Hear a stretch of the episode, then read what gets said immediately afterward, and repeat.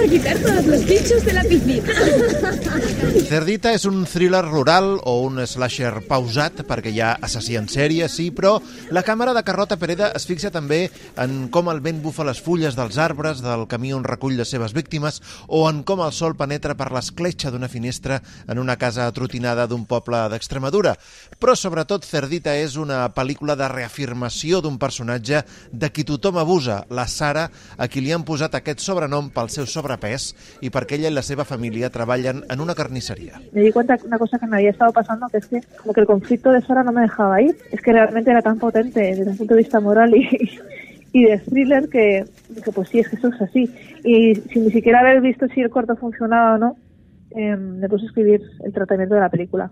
No sabía, es que si el corto podía no haver funcionado. De hecho, estava convencida que no, que no iba a interessar a nadie porque era demasiado personal. El curt que va originar aquesta pel·lícula va ser un trampolí per a Pereda, que quatre anys després aconsegueix colar la versió llargmetratge a la selecció del Festival de Sundance, que és l'aparador més important del món del cinema indie. Pues muy contenta, la verdad. A mí es que es el festival que toda la vida siempre lo he seguido, porque todas las películas que salen ahí me suelen interesar, o algunas me gustan, son mis películas favoritas. Es que pues es un honor, es un honor, es una, no me lo creía, la verdad. Pensaba que era imposible. El llarg repeteix el mateix escenari del curt, un poblet ancorat als anys 80 amb una piscina municipal molt concorreguda i que no deixa de ser una simple bassa, una Renault Express rovellada, el vehicle de l'assassí, i a Laura Galán com a Sara, la protagonista. Que es maravillosa y ella es Sara y tanto Laura como yo amamos a, a nuestro personaje y lo entendemos muy bien y tenía que ser ella, desde luego. A Galán l'acompanyen, entre d'altres, Carmen Machi o Pilar Castro. Cerdita és una comèdia que neix del drama i acaba en horror,